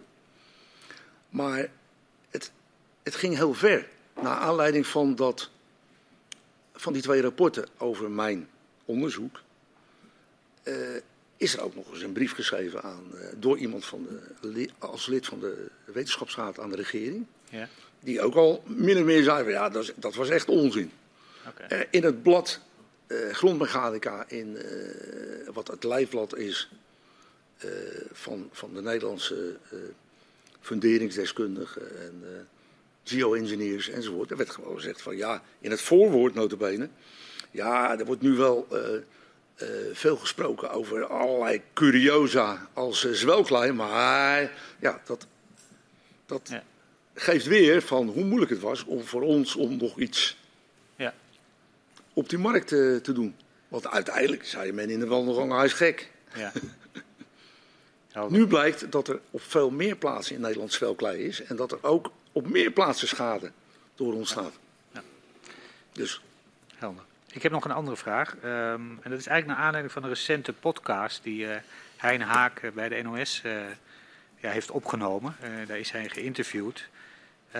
en daarin zegt hij dat het hele dossier Groningen en de gevolgen misschien wel anders had kunnen lopen als ambtenaren bij de overheid activistischer zouden zijn geweest. En hij doelde daarbij ook op zichzelf. Maar zo zitten ambtenaren bij de overheid niet in elkaar. En ook over het activistisch gedrag. Uh, het gevaar daarvan is dat je verbinding met je publiek verliest. Uh, en uh, die moet je er wel bij houden. En dan kom ik met een citaat. Een voorbeeld daarvan is de figuur van Peter van der Gaag. Ja. Die best goede ideeën had, maar daar zo activistisch achter stond dat hij daardoor ook publiek verloor. In zekere zin is dat ook gebeurd met Van der Sluis. Vanuit intuïtie en zijn gevoel had hij het gewoon bij het rechte eind. Dat activisme was misschien wel nodig geweest, maar het risico ervan is al daar, al door dat je je publiek verliest. Ja, ik heb, het, uh, ik heb het gehoord en ik, uh, uh, ja, in mijn opinie ben ik echt een, een, geoloog die heeft bewezen dat hij kan bewijzen wat hij zegt. Ja. En ik stel nu de vraag van, denkt u dat als mijn handelswijze activistisch zou zijn of zou zijn geweest, dat ik dan nu al vijf jaar de NAM adviseer? Ik denk het niet. Nee. Ik denk dat dat meer, een, uh, meer zegt over de figuur Hein Haak dan over de figuur Peter van der Gaag. Ja, ja. Dus dat is eigenlijk mijn antwoord hierop. Ja, ja. dat is uh, helder.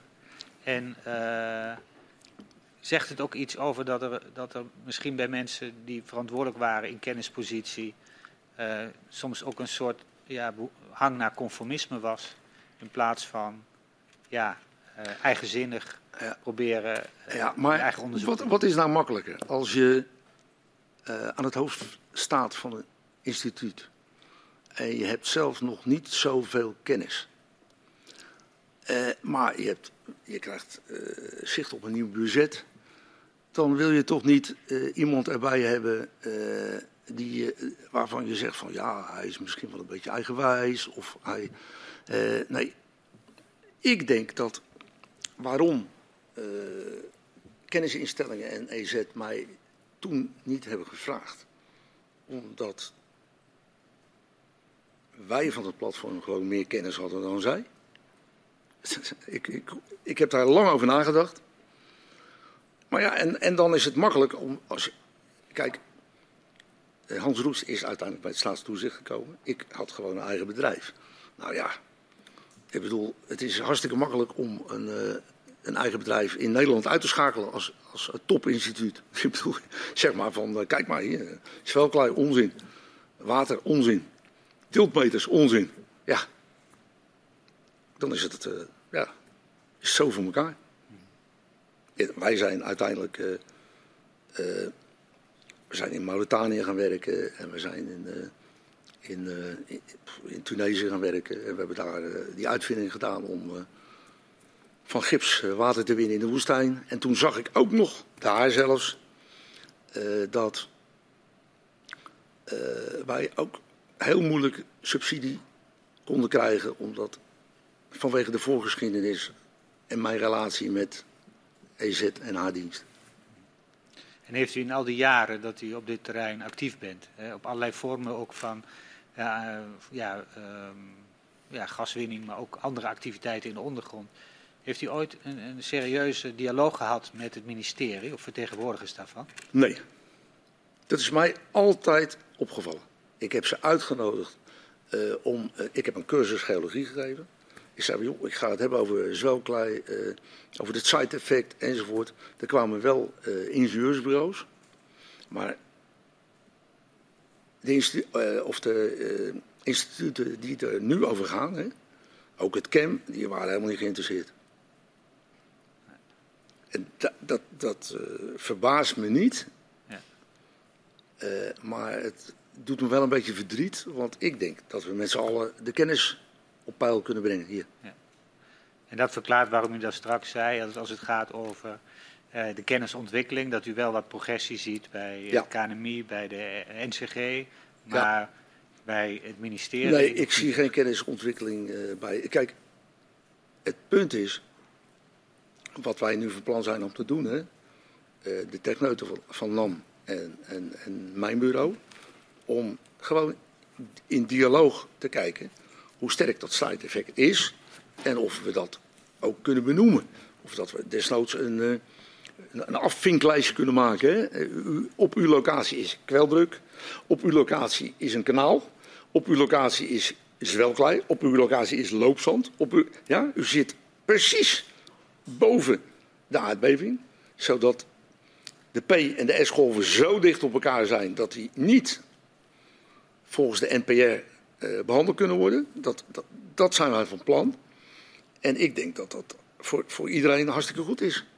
En ik zie, en, ik zie bij instituten eh, die door EZ worden geïnstalleerd, daar zie ik dat ze heel goed communiceren met internationale wetenschappers.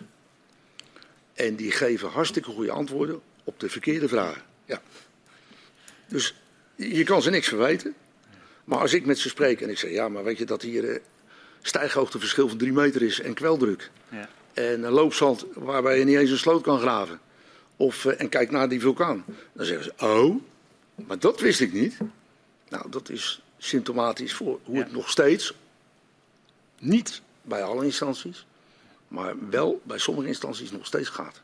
En ziet u de, de nieuwe op- opdrachten en projecten waarbij u nu betrokken bent ook als een soort ja, genoegdoening Ja, voor een periode waarin de reputatie Ja. ja. door anderen toch Nou, een beetje in kwaad kijk, daglicht is gesteld? Een, een, een van de, ja, dus wij hebben dus als eh, schadeafhandelingscommissie van de Vlist hebben wij eh, een rapport opgeleverd. En eh, misschien is het niet voor niks dat de voorzitter van de waterschappen Rivierenlanden in Tiel, die mij heeft gevraagd dat hij vroeger de voorzitter van de Mijnraad was. Misschien heeft dat toch zo iets. Te, te, eh, bewerkstelligd, laten we het zo zeggen. Ja? Ja, ik snap het. Misschien heeft hij toen gedacht van, nou, misschien weet hij toch iets. Of misschien weet hij wel veel. Ja. Ik ga even naar mijn collega de heer Quint. Ja, nee, ik had nog een paar vragen. Ik heb Ja. deze zitten schrijven tijdens het gesprek. Het, het zou kunnen dat het uiteindelijk neerkomt op een soort van geologie voor dummies. Eh, maar dat moet u mij dan maar vergeven. Ehm, maar eerst iets wat, me, ehm, wat mij leek op te vallen net in uw reactie op collega van der Lee die het had over Hein Haak en zijn woorden. Ehm, waarom raakt u dat zo, wat Hein Haak daar zegt tegen Nee, nou, het, het, het, nu, nu raakt het me niet meer. Nee, nee, nee. nee. Ik, ik, ik vind het logisch dat hij eh, dit zegt. Want ik denk dat, eh, dat als je, en ik kom nog met meer documenten, als je eh, aan hem vraagt, ja, waarom, als Van der Gaag in 1934 zegt, je moet de snelheid en de relatie met aardbevingen en de, en de productie, waar- waarom hebben jullie dat niet gedaan? Ja, dat weet ik niet. Stond in de krant. Ik heb het in de krant gezegd. Dus waarom hebben jullie dat niet uitgezocht? En hoe komen jullie tot een, eh, tot een, eh, een eh, hoe heet het? Een maximale magnitude van 3,3 met maar kleine kans op structurele schade? Dat moet je aan hem vragen, moet je niet aan mij vragen. Ja. Voor mij was het zonder klaar dat het niet kon kloppen. Ook op basis van die bezoeken die u toen met het onafhankelijk geologenplatform deed. Ja, die, die, die, die, eh, Die buitenmuur waar u zo... eh, ja, die, die, eh, die Chinese maaltijden, die, daar, daar bespraken we dat soort dingen. Ehm, u heeft een hele serie bezoeken afgelegd met het onafhankelijk geologenplatform. Ja. En behalve nou ja, de, die vrouw waar we het al meerdere keren over gehad hebben, Ja. waar je zo door de buitenmuur heen keek. Wat was het soort schades wat u, wat u daarbij tegenkwam bij die gesprekken? Eh, nou, wij kwamen in eh Schuilingsoord. Dat was de naam van onze professor die ook eh, meedeed aan het onafhankelijk uh, geoloogplatform. Daar kwamen we zelfs een, eh, gescheurde tegels in de badkamer. En, maar ook een hele markante opbolling van de keukenvloer. Waarbij ik zelf het idee had dat dat een soort van, het zat zand onder, hè? door die beving in trilling gewoon die opbolling had veroorzaakt. Het was zonder klaar dat dat, dat in ieder geval de schade was door een aardbeving. En wij hebben ook eh, in Roswinkel, Kijk, ik heb in een Roswinkel, dat is een oude schoolmeester. En eh, die heeft mij, ik heb nog steeds contact met hem. En die, die heeft een schuur en die is verzakt. En daar heeft de TCCB een onderzoek naar gedaan. Tijdelijke commissie bodembeweging. Eh, ja. Technisch. En Technisch. eh, ja, niet tijdelijk, want er is weer een andere commissie die tijdelijk is. Tijdelijke technische, ja. Nee, volgens mij kan je in de analyse zien dat hij absoluut niet tijdelijk was. maar die heeft een onderzoek gedaan. Ah, En dan kijk ik naar dat onderzoek en dan denk ik van ja. Eerst zeggen ze, die, die, die de gedupeerde zegt van ja, maar zet dan eh, een paar maanden. Eh, ga dan meten, een paar maanden. Hè, eh, doe een lintvoegmeting en over een paar maanden weer. Want dan kan je zien of het verzakt is. Toen zei hij, nee, er zijn geen methoden die dat eh, kunnen meten. Toen dacht ik van, nou, het rapport is van 2019, dus zit vier tiltmeters in, die, in dat ding en dan weet je het gelijk. Maar als je ziet wat de boringen opleveren, dan zeggen ze van, joh, als dit de schuur is, hier is het verzakt. En eh, we hebben boringen gedaan. En je komt tot de conclusie dat onder deze boer- boring zit het grootste veenpakket. En hier zit helemaal geen veenpakket. Dus wat is er? Het is een heuveltje, dat is tijdens verschoven gewoon. Dus ik kom gewoon uit. Dus ik denk van mezelf, ja. Dat, is, dat onderzoek is van 2019. Dus ik denk van, nou ja, gebrek aan, ken- gebrek aan kennis. Ver daarvoor, de- met het, met het platform, in een tijd dat zelfs de relatie tussen eh, überhaupt schade en eh, gaswinning nog eh, betwist wordt, Ja, ziet u die schade zo. ja, ja. Ehm, ja. zijn er ooit mensen uit die periode geweest die naar de NAM toe gegaan zijn en die uiteindelijk hun schade vergoed hebben gekregen? Ja, dat denk ik wel. Ja, ja, ja. ja nee, dat weet ik. En, en dat is ook het. Eh, ik weet zeker dat er mensen. Want, want in, na die eerste aardbeving is er gewoon schade geweest. En ook schade toegegeven door de NAM. En die is gewoon betaald. En eh, ik heb een rapport gevonden. Eh, en daar bent u waarschijnlijk heel nieuwsgierig naar. Dat is een rapport van Oranjewoud van 2003. En dat is gedaan naar vier panden die aardbevingsschade hadden. Daar is een, bij één pand is een lintvoegmeting gedaan. Is heel, die, al die panden zijn in het kader van versterking en reparatie zijn opgemeten.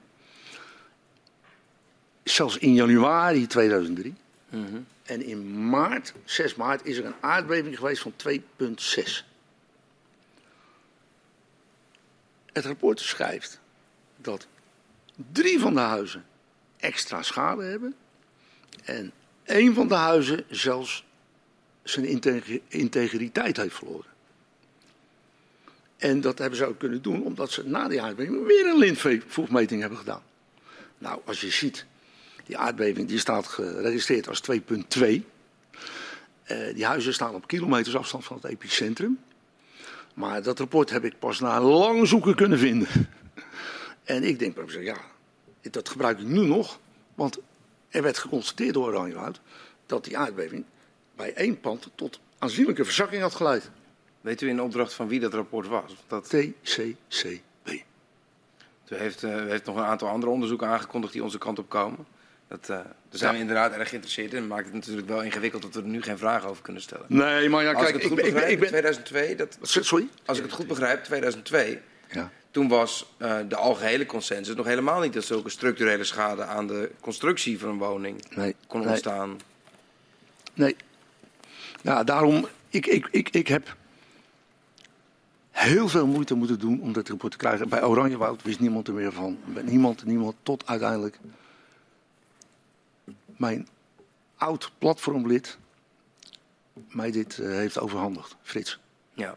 En, eh, en ik ben de laatste weken mijn eh, archief, ik geloof 1200 eh, kilo, aan het opschonen. En ik kom dingen tegen waar ik zeg, oh, dat zal deze commissie ook wel Ja, want Laten we maar zeggen ambiëren. we, ont- we ontvangen het graag. Dan gaan we nu denk ik over naar wat ik net al aankondigde, de, het geologie voor dummies deel. Dus Ja. de, de, de momenten dat ik af en toe wat moeite had om het, eh, om het bij te houden.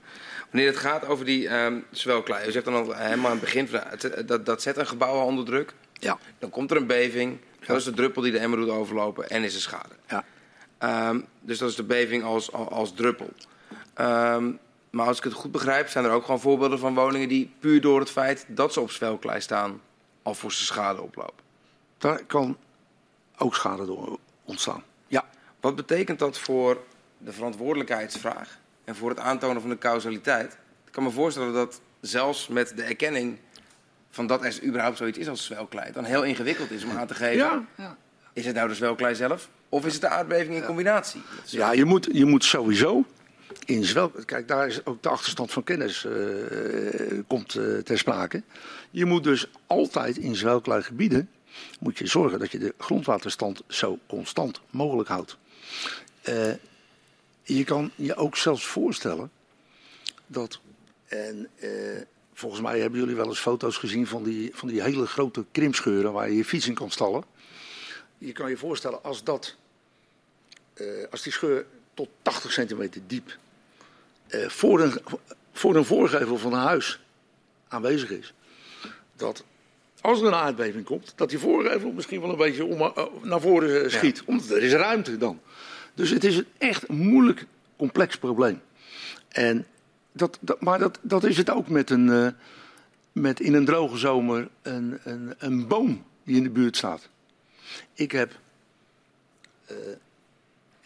dat is wat het British Geological Survey ook gewoon doet. Die hebben een, eh, recent een boek uitgegeven waarbij ze per boomsoort de radius van grondwateronttrekking eh, weergeven. En sommige boomsoorten die geven, die, die onttrekken nog 300 liter water per dag op 15 meter afstand. Ja, daar krijg je ook verzakkingen door. Ja. Maar in Nederland, eh, no way. En dan ben je weer terug bij die kennispositie. Ik had nog één laatste vraag en die ging over, eh, over kweldruk. eh, en het effect van eh, bevingen op water dat vastzit in de grond. We hadden eerder wel die verhalen gehoord inderdaad van de mestkelders.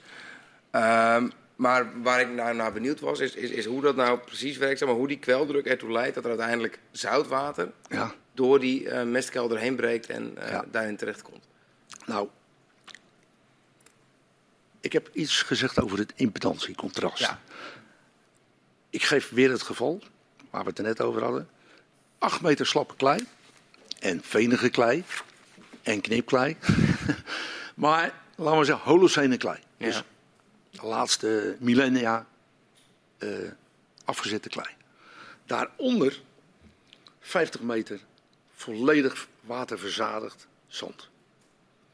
Die druk daar is al bijna hydrostatisch. In de bovengrond is het allemaal kunstmatig. Want eh, het is al zelfs onder NAP.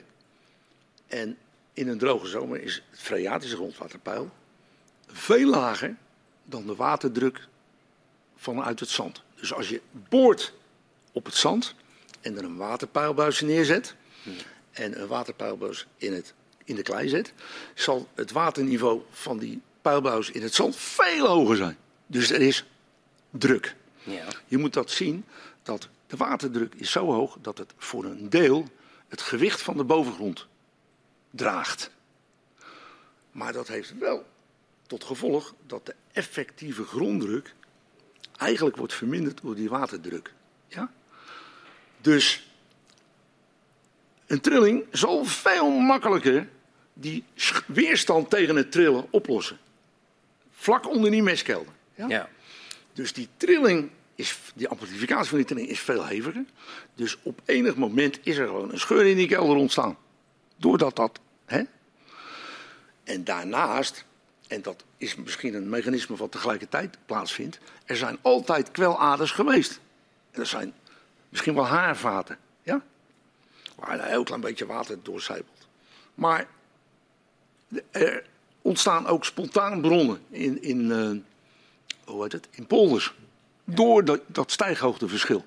En als ze die proberen te, te, te dichten, dan ontstaat er 50 meter verder weer een uh, spontane bron. En die beving is dan het trigger-effect? Die beving is de trigger, zodat het kwelwater, wat waarschijnlijk al devies gewoon omhoog kwam, nu in een soort van ja, bronnen, wellen, wellen, wel is het woord, wellen omhoog komt.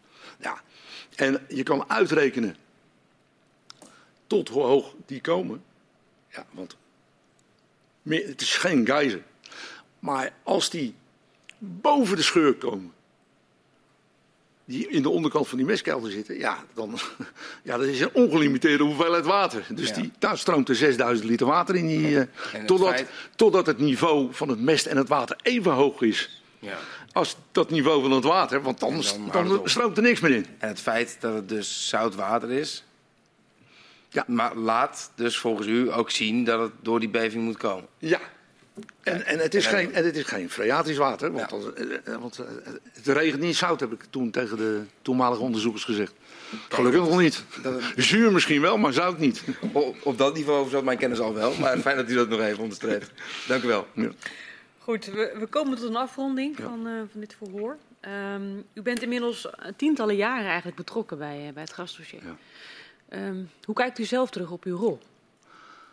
Uh, nou, ik hou ontzettend van mijn vak. Ook uh, in andere landen. Want dan kom je steeds meer dingen tegen die, uh, waarvan je zegt van ja, dat bestaat niet. Hè? Totdat je ze ziet. Maar ik denk dat. ik, ik denk ook dat de, hoe men mij de laatste jaren benadert ook wel veel meer voldoening geeft. Ja? Ja? Ik, zie, ik zie best wel ik zie wel in de ogen van uh, mensen die werken bij kennisinstellingen of bij de overheid, uh, als ze horen dat ik ook inmiddels de NAM adviseer, zoiets als. Mm, mm, mm. Ja, ja, ja, ja. Nu, nu, we kunnen eigenlijk nu, nu niet meer om hem heen of zo. Dus dat is ook een beetje, na veel jaren, een beetje voldoening. En ik vind het ook hartstikke leuk om met de bewoners, zoals bij dat zout, dingen te initiëren. En ook bij die dijkenverhoging. En ik vind het ook hartstikke leuk om uh, te zien dat in gevallen waarin ik uh, uh, gedupeerde bijsta, er geen enkele vijandschap is tussen de techneuten van de NAM en de gedupeerden. dus die, die, we zijn het met z'n drie eigenlijk met elkaar eens. Dus heel veel, en dat zult u, ik heb niet alles gezien van uw parlementaire ondervragingen. Maar ik heb wel gezien dat, dat ik denk op dit moment uh, dat uh, de chaos en de, de vrevel uh, veel meer bij overheidsinstellingen ligt dan bij de NAM. En dat, ik zal niet de enige zijn die dit zegt. Dus ik denk dat als je met, als je met goede argumenten komt, ook geologische, bij de NAM, dan erkennen ze schuld. En terwijl als ik uh, bij de IMG zeg, zeg ja, het kan niet, want uh, het model zegt dat het niet kan. Ja. ja. Dus, dat, en, uh, dus, ja. dat is, ja, dus ik, ik voel me nog jong genoeg om nog tot het. ja, ik zeg niet tot het gasveld weer open gaat, want dat durf ik niet te zeggen. maar nee, ik voel me nog jong genoeg om nog tien jaar ja. met zo'n lief van elf te boren. Ja. Uh, ja, wij gaan in ieder geval niet uh, tien jaar verder met uh, de parlementaire enquête. Welke vragen zouden u door ons beantwoord willen zien? Ja, ik, ik, ik, denk niet dat het een andere vraag is. Ik denk dat, dat mijn drive is dat we met z'n allen op een kleine postzegel leven. En dat dit een voorbeeld is van hoe kennisgebrek en communicatie van kennis uh, tot deze drama's heeft kunnen leiden. En dat we moeten proberen om uh, meer gevoel en meer, dus meer geld vrij te maken uh, voor onderzoek waar de mensen ook iets aan hebben. Hè? Wat, moet ik nou met mijn fundering? Als je ziet wat ze, wat ze allemaal. Uh, niemand weet wat hij ermee moet.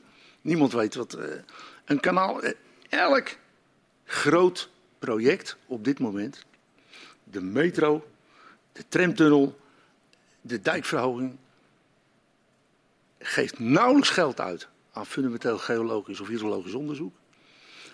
Maar vinden het kennelijk uiteindelijk niet erg om 50, eh, 100 of 150 miljoen extra te moeten betalen omdat ze daar niet naar hebben gekeken. Nou, dat vind ik een mooie taak ook voor jullie om te zeggen: joh, je had gewoon moeten luisteren naar mensen die er verstand van hadden. En je had veel meer onderzoek moeten doen zoals ze in de rest van de beschaafde landen ook doen. Klaar? Dank u wel. Ja, hartelijk dank voor uw uh, komst, voor uh, alle antwoorden die u ons ja. heeft gegeven. Uh, ook voor het aanbod om nog met meer stukken te komen. En de griffier gaat u naar buiten begeleiden, maar die houdt vast graag contact met u over die stukken. en ik wens u een goede reis naar huis. Oké, okay. goedemiddag. Tot